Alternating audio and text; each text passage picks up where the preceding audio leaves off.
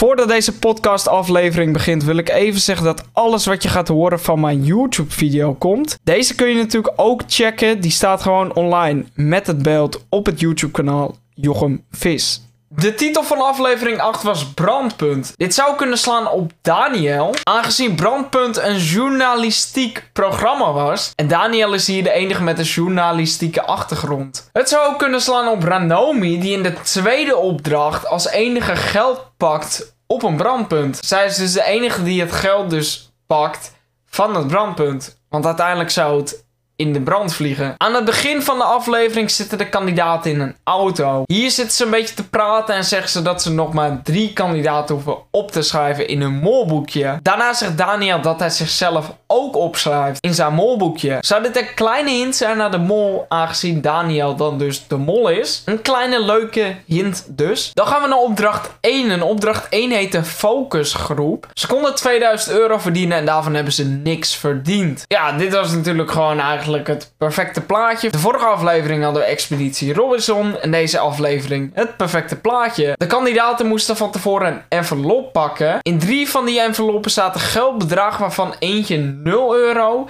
En in de vierde envelop zat een witte vrijstelling naar de finale. Daarna moesten ze allemaal afzonderlijk een safari-trip doen. En moesten ze drie foto's maken van wilde dieren. Die foto's moesten dan ook in een reeks zijn. Dat was belangrijk en het moest een verhaal hebben. En dan werd uiteindelijk de beste eruit gepakt. En diegene mocht dan zijn of haar envelop openen. Die kreeg toen ook nog de keuze om hem te wisselen met iemand anders. En dan mocht hij datgene dus houden. Nou ja, uiteindelijk zagen we dus dat Jurre gewonnen had. Die had de beste foto's gemaakt, de mooiste foto's. En die mocht zijn envelop openen. Hij wisselde hem uiteindelijk met Soy. En toen had hij dus de vrijstelling voor die finale. Wat kun je hier als mol mollen? Je kan natuurlijk van tevoren met een goed concept komen. En dan uiteindelijk de opdracht winnen. En dan dus de vrijstelling pakken of 0 euro. Uh, dus eigenlijk wat Jurre nu precies doet. Jurre had ook nog eens een heel goed verhaal. En het zou dus wel eens kunnen zijn dat de mol dus voorkennis had. En van tevoren al een verhaal had bedacht. En dat dat uiteindelijk heel goed uitgepakt heeft. Ook aan het begin, wanneer ze de enveloppen mogen pakken, zegt Daniel: zal ik gewoon twee doen. En in de tweede envelop zat ook de vrijstelling. Had hij hier al voorkennis. Hetzelfde geldt voor Soy, want die pakt meteen de tweede envelop. En daar zat dus ook de vrijstelling in. Uiteindelijk dus geen geld verdiend met deze opdracht. Toen moesten de kandidaten de test maken. Alleen in deze test zaten ook nog eens vragen van een opdracht die ze nog moesten doen. Dus wat het vet hieraan was, was dat de kandidaten dus een antwoord konden invullen. En dan konden ze later dus de test beïnvloeden. Doordat ze die opdracht gingen spelen. En laten we dan nog even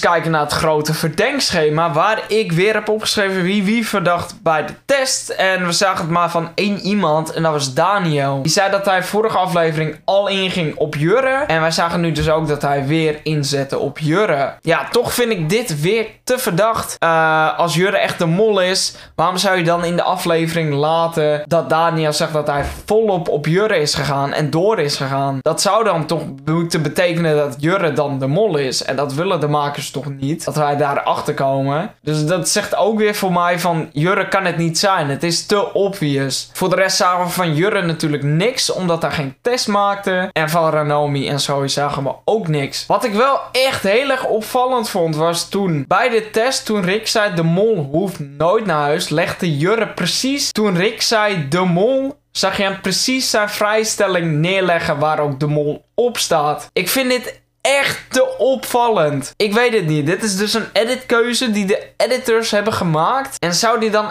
echt een molactie zijn? Zou dit echt leiden naar de mol? Of zou Jurre toch niet de mol zijn? Want dit is toch te obvious naar mijn mening. Dan gaan we door naar opdracht 2. En opdracht 2 heet de vuurproef. Ze konden 3000 euro verdienen en daarvan hebben ze 2250 euro verdiend. Dit was de laseropdracht van dit seizoen. De kandidaten moesten gaan lasergamen. Als zouden ze een tegenstander uitschakelen, kregen ze daar een briefje of een, een, kaartje. Daar stond een code op. Ze hadden een paar codes nodig met landen. Daarmee konden ze dan uiteindelijk achterhalen wat ze moesten doen bij een bewegingsslot of zo was het. En als zouden ze dat dus uiteindelijk goed doen, konden ze het openen en konden ze het geld pakken. En als ze dat dus niet op tijd zouden doen, dan uh, werd dat geld verbrand. Want het geld lag op een brandpunt. Als eerste iets wat we in de aflevering zagen, was dat Zoe zijn medekandidaten afschoot. Hij heeft twee keer Daniel geraakt.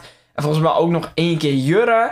Aangezien hij de andere kandidaten wou afschieten. Zodat hij sowieso één testvraag goed zou hebben. Ja, dit kan natuurlijk een kandidaatactie zijn. Ook een molactie dat de opdracht niet goed lukt.